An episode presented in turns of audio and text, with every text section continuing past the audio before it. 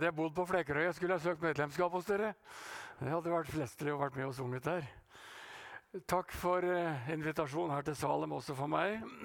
Reidun og jeg vi hører til som de fleste av dere vet, i Randesund misjonskirke og går der ute vanligvis. Sist søndag ble jeg bedt om å tale i Randesund, og da fikk jeg en bestilling som jeg ikke har fått før. Det var en bestilling på å tale om eh, gode røtter og sunn åndelighet. Og Det er et tema som jeg tror knapt jeg har vært borte før. Men jeg tenkte jeg har talt om de Randhuset, så kan jeg tale om de Salem også. Så her får dere altså tema gode røtter og sunn åndelighet. Og Jeg vil starte med en fortelling, en historie som er sann, og som er offentlig. Og det er For ca. 25 år siden så var det en Ansgar-student som skulle ha ett års praksis i eh, Målselv i Nord-Norge. Han ønsket inderlig å tjene Gud med bønn og hengivenhet. Han ble trukket inn i en tverrkirkelig, karismatisk bønnegruppe eh, med både kunnskapsord og radikale profetier. Gruppen var veldig opptatt med åndelig krigføring i bygda og mente at det var onde ånder som hindret vekkelsen. En dag fikk den selvoppnevnte, for det var han, gruppelederen, et kunnskapsord om at det var alterbildet i Misjonskirken som hindret vekkelsen. Det var et enkelt Kristusmaleri som var hentet inn fra et gammelt misjonshus, og som var hengt opp i den, den gangen nye Misjonskirken. Og praksisstudenten ble revet med. En natt tok gruppen maleriet ned i hemmelighet og brente det. De ventet på vekkelsen. I stedet ble det jo selvsagt stor oppstandelse første søndag. Kan du tenke deg det? Og enda større medieoppslag og oppstandelse ble det i mediene, altså i avisene, med sitat om pastoren som brente alterbildet i egen kirke. Aldri som leder i Misjonsforbundet, som jeg var den gangen, fikk jeg sånn trykk fra riksmediene som i den saken. Og jeg spør hvordan kunne det skje? Og jeg har bare ett svar. Ja, er den blitt borte? Opplegget er blitt borte. Jeg hadde noen bilder som skulle gå samtidig, og den minnepinnen skal jeg ha her.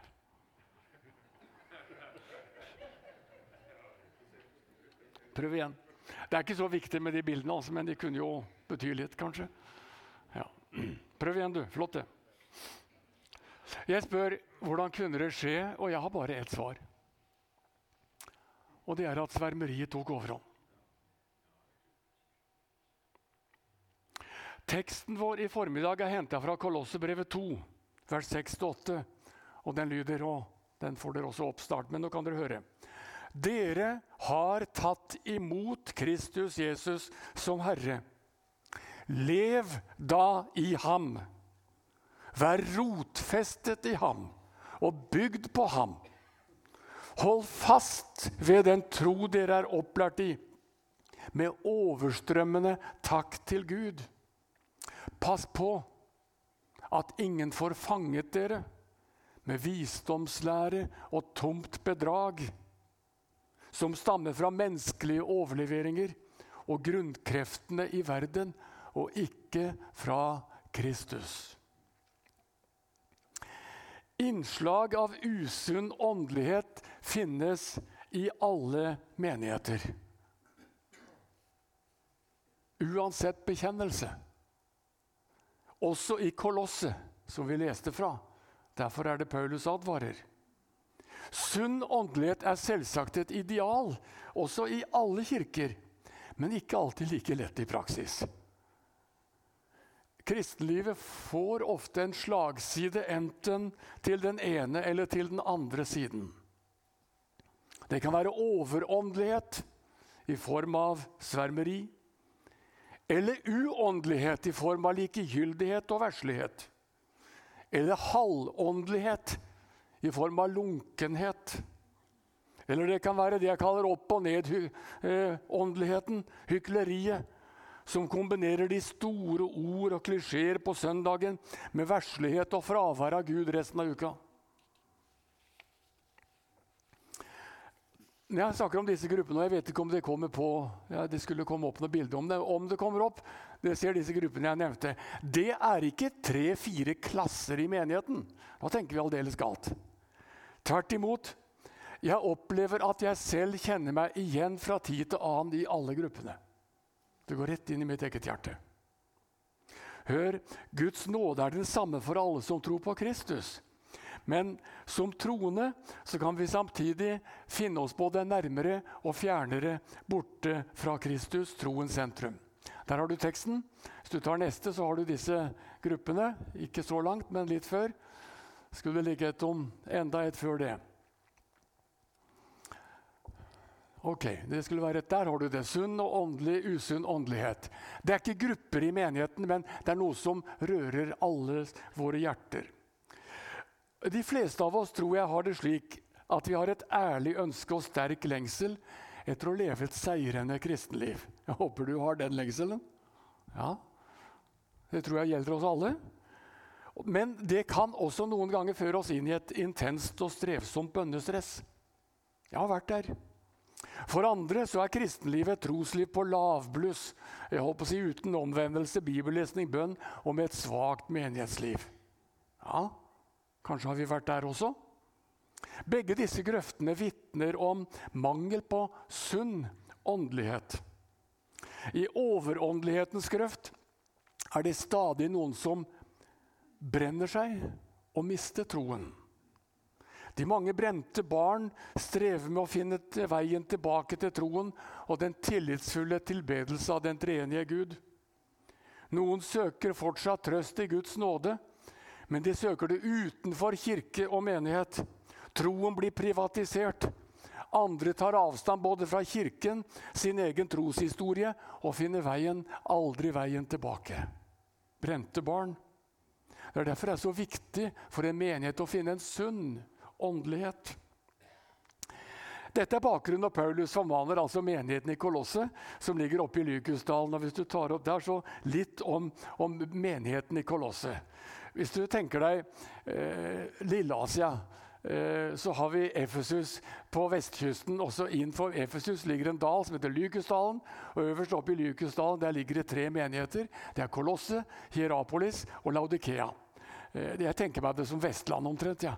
Eh, Efesus det er Bergen på vestkysten. Og så er det dalen innover. Det er Voss og områdene omkring. liksom. Der ligger det tre nye menigheter. Paulus hadde aldri vært der.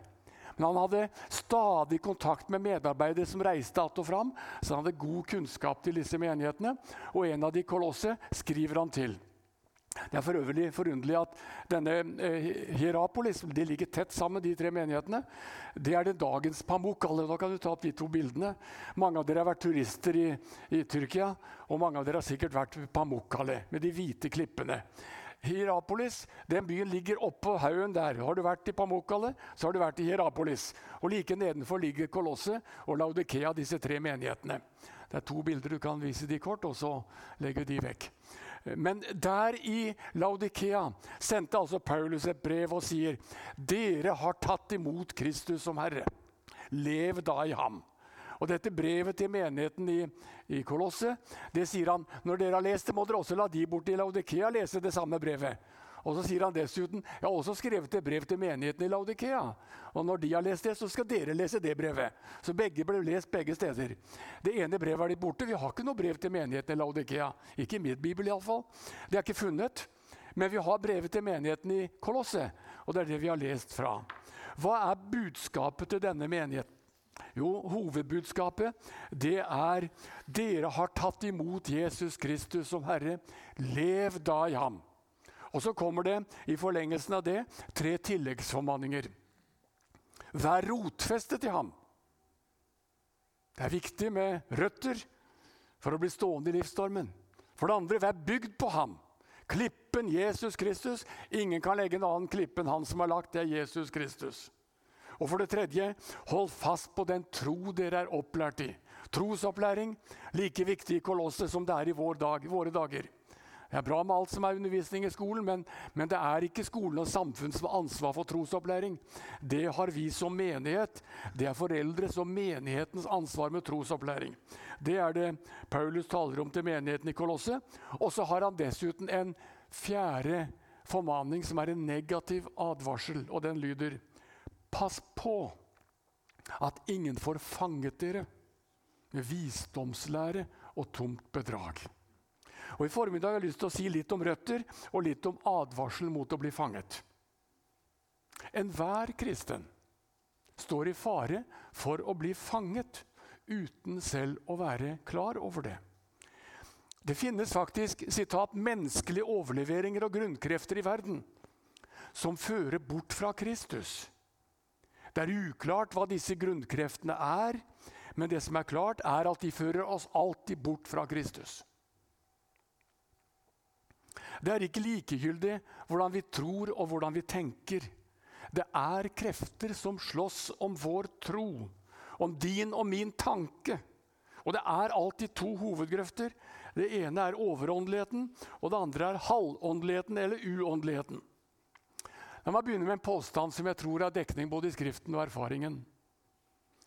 Overåndeligheten eller svermeriet ligger oss mye nærmere enn vi aner.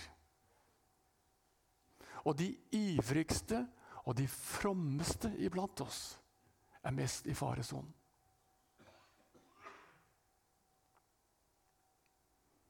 Iver er bra, men uten kunnskap er den av det onde, står det i ordspråkene. Eller nidkjærhet uten skjønnsomhet, het det fra gammelt av. Det går altså an å bli så overivrig for en eller annen religiøs sannhet at det ødelegger mer enn det gagner. Derfor skal vi av og til lytte til religionskritikk som det heter, fra samfunnet og de utenfor. Og Det gjelder også kritikk som av og til kommer fra våre egne rekker. Vi skal lytte til det. Kanskje har noen sett noe. Nidkjærhet, skråsikkerhet og ensidighet uten veiledning det kan føre rett inn i svermeriet. Og Svermeri har tre kjennetegn. Tre kjennetegn. For det første det er når mennesker vet hva Gud vil. Punktum om de så står alene i hele verden.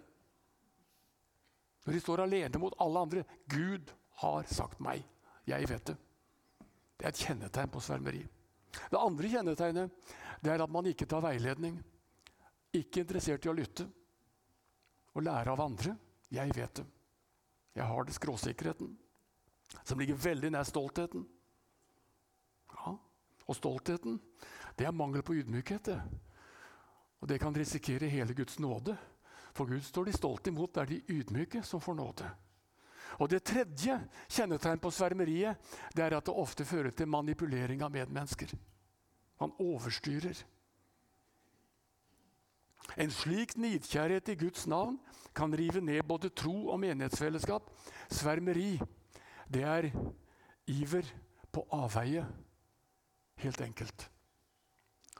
Men jeg har sagt det, faren for overåndelighet, så, så, må vi jo ikke det holde oss tilbake fra å søke Gud. Skjønner du? Det ville jo være ille. Vi skulle reise pekefingeren og så sette punktum. Nei, å søke Gud, det er vi kalt til. Og det skal vi gjøre av vårt, hele vårt hjerte. Det er å gi seg hen til Guds vilje. Søke hva er det Gud vil. Og så er det å hengi seg til daglig bønn. Man må bøye kne, som det ble sunget om her. Som ung tenåring så vet jeg at jeg ga meg hen til Gud i bibellesning og bønn. Jeg ba intenst i flere år for å finne ut hva Gud hadde for plan med mitt liv. Hver ettermiddag, vel hjemme etter skoletid, så leste jeg min bibel, og jeg ba, og jeg bøyde kne, og jeg ba om Guds ledelse for fremtiden. Og særlig ba jeg Salme 86, 11. Lær meg, Herre, din vei.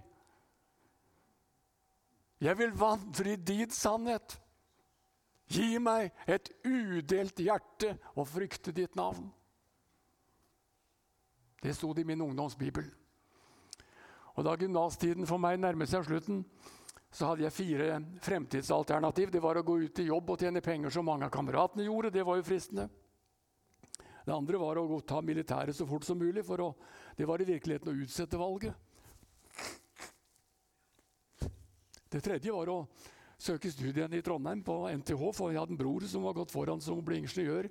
og jeg hadde lyst til det. Og Det fjerde valget jeg hadde, det var å søke Ansgarskolen og bli predikant og forkynner. Og det ble det siste. Gud viste meg en retning for livet som jeg siden ikke har vært i tvil om. Jeg har aldri søkt andre typer jobber. Senere har jeg nok ikke vært så ivrig som jeg var i ungdomstiden. Og noen bønnekjempe har jeg aldri blitt. Men jeg har vært målrettet, og jeg har vært veldig trygg i valg av livskurs og tjeneste. Og min bønn har vært Gud, la ditt navn bli æret, la din vilje skje. Og la ditt rike bli synlig, iallfall i noen grad, også gjennom mitt liv og min tjeneste. Med årene har jeg vel blitt noe mer beskjeden med tanke på egen rolle i Guds rike. Men også som pensjonist så ber jeg Herre, lær meg din vei.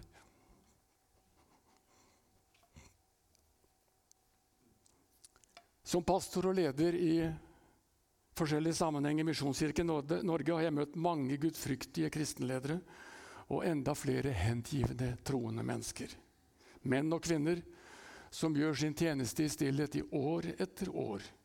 De har gitt sine liv til Kristus og menigheten Mennesker som er rotfestet når sykdom og livsstormer kommer. Som bevisst følger Kristus når karriere og lovende livsprosjekter klokker i andre retninger. Og som har raust gitt av sine talenter, både tid og evner og krefter i år etter år. Mennesker som har holdt seg til den enkle tro de ble opplært i gjennom bibellesning og menighetsfellesskapet. Det er disse trofaste troende som gir bærekraft til den kristne menighet i Norge. I alle kirker er det slik, også i Salem misjonsmenighet. Gud velsigne dere. Hverdagssliterne, som ikke tar så stor plass, men som etterlater seg et stort tomrom når stolen er tom og benken er tom. Sist jeg var i Salem, så satt Ester her.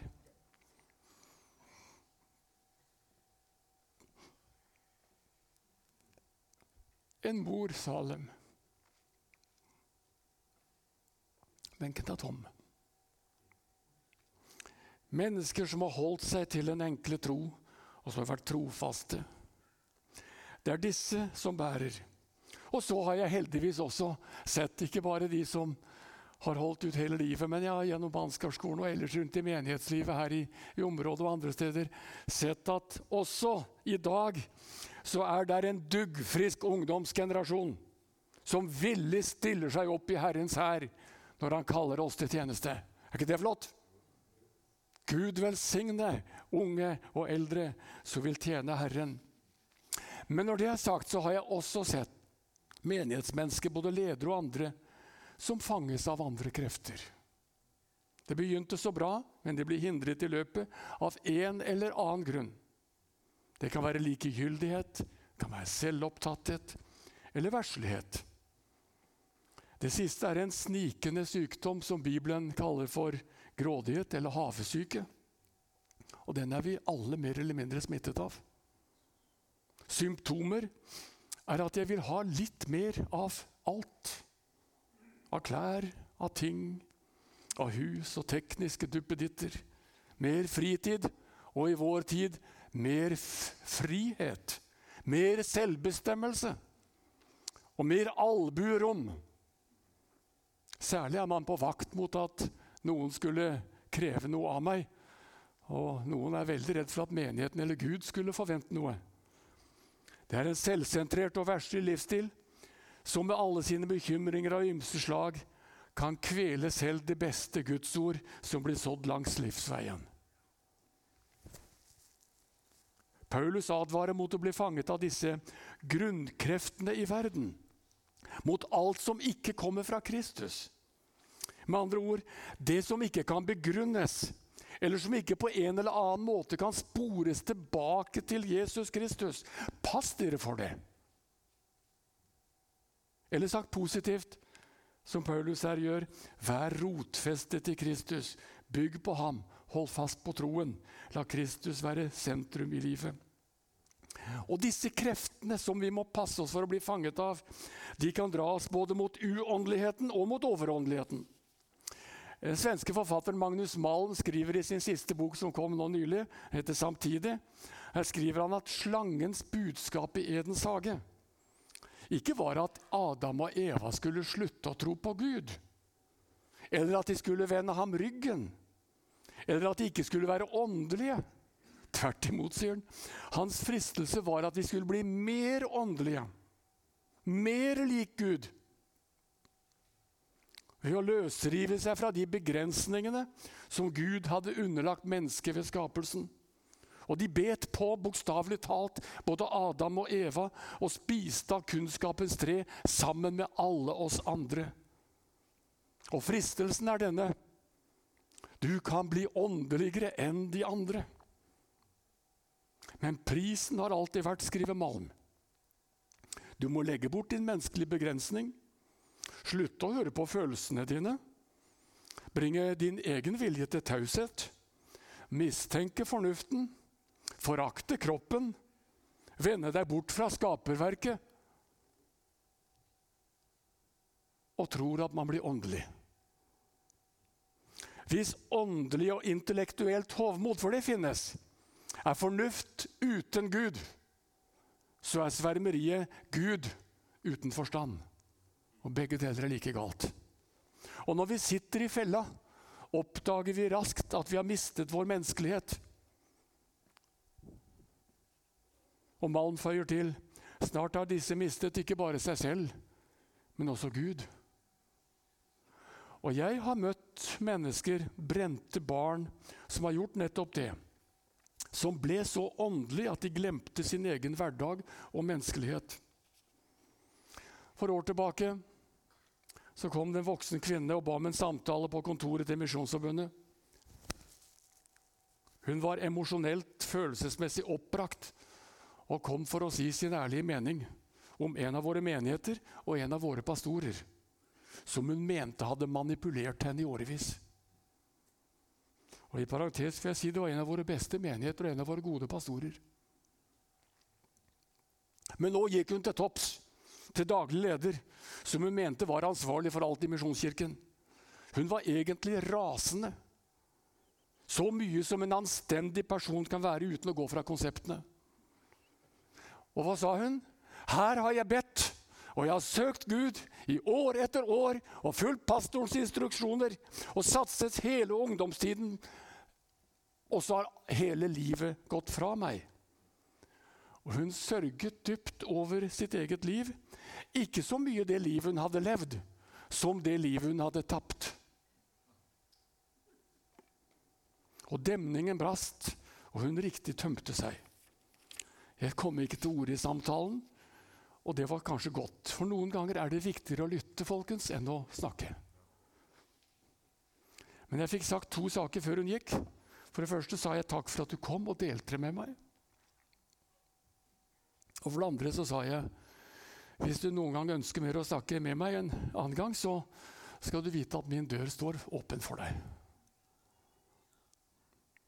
Så gikk hun. Brent barn. Hvordan det gikk? Hun kom tilbake etter lang tid. Og det ble etter hvert mange samtaler over flere år. Hun er senere blitt gift og fått barn og fullført doktorgradsarbeidet sitt og er med i menighetsarbeid, men i en annen kirke enn Misjonskirken. Og det skjønner jeg godt.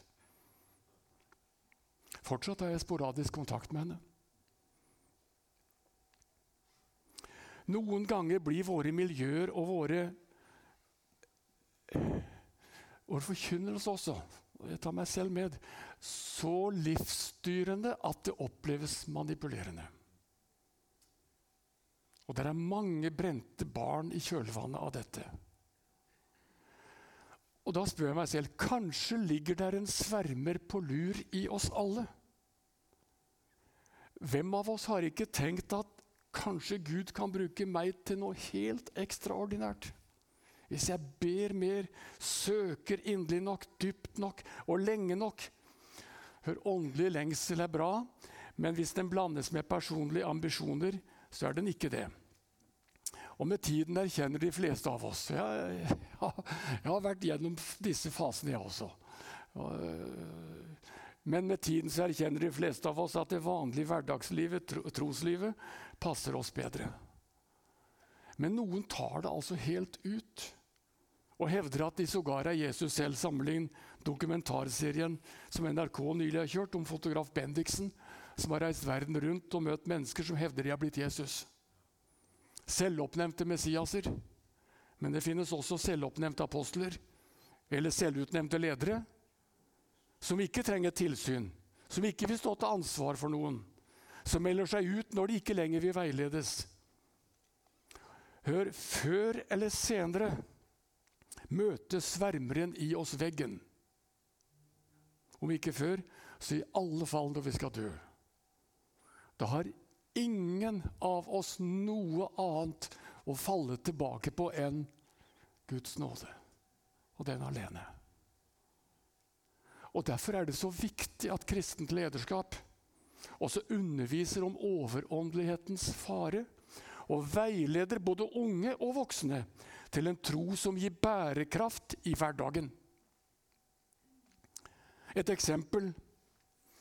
Organisasjonen Ungdom i oppdrag kjenner vi. Mange av dere har vært der, og mange av våre studenter har vært der. De har erkjent sitat, at enkelte medarbeidere har kjent det vanskelig å bære organisasjonens store visjoner. Sitat slutt. Og jeg synes at dagens norske leder, Andreas Nordli, på en forbilledlig måte tar selvkritikk når han for litt over en uke siden uttalte følgende i Vårt Land. Han skriver Vi tror på Guds kall og personlige overgivelse og vil ikke slutte med å forkynne dette, og jeg sier ja og amen. Men så sier han men vi må ha en sunn teologi i bunnen. Vi har hatt en skeiv kallsforkynnelse der det åndelige aspektet har hatt for stort fokus, mens viktigheten av å være et helt menneske har blitt underkommunisert, sier Andreas Nordli. Jeg syns det er forbilledlig sagt.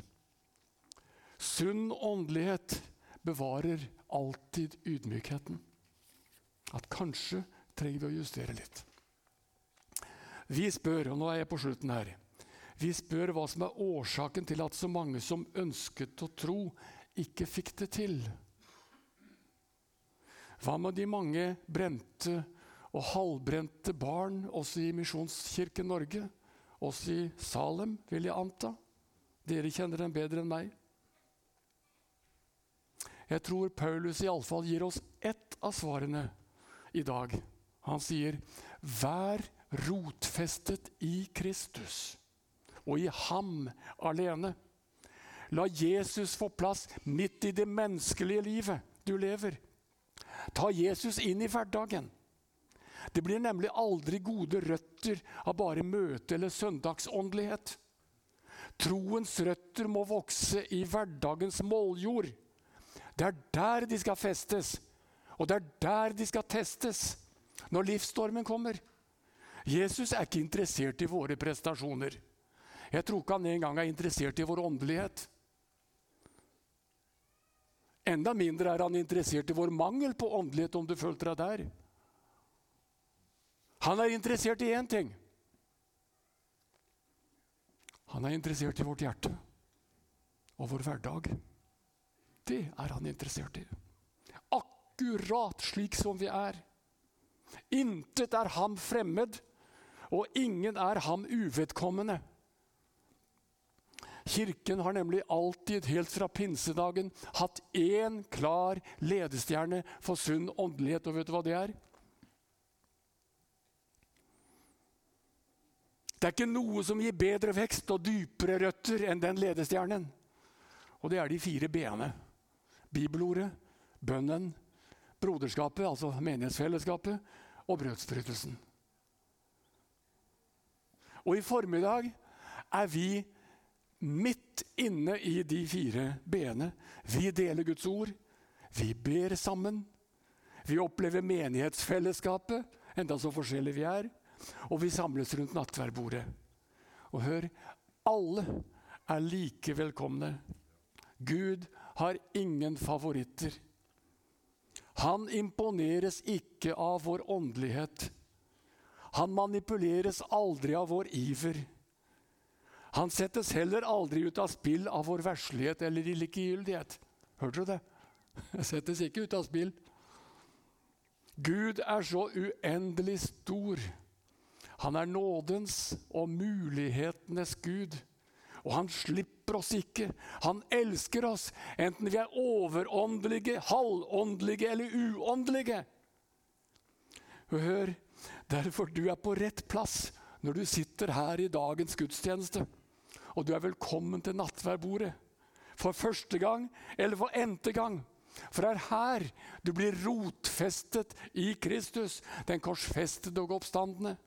Det er her du møter fundament for og styrke for hverdagen og uken som kommer. Menigheten det er det tryggeste samlingssted for sunn åndelighet. Og her er vi i Jesu navn. Skal vi be. Herre,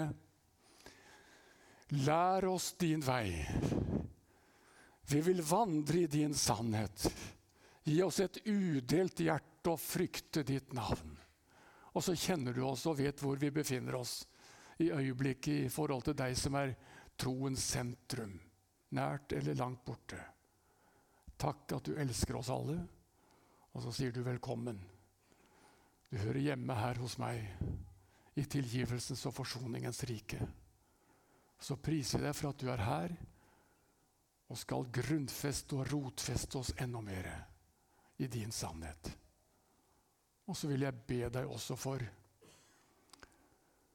bønnebarn og brente barn som har hatt sin gang i denne menighet. Herre, kast ut kjærlighetens lasso og dra dem. Dra dem inntil ditt rike, og gi oss visdom til å møte dem med kjærlighet og åpenhet. Og med praktisk hverdagsliv med deg i sentrum. Takk fordi du hører vår bønn. Amen.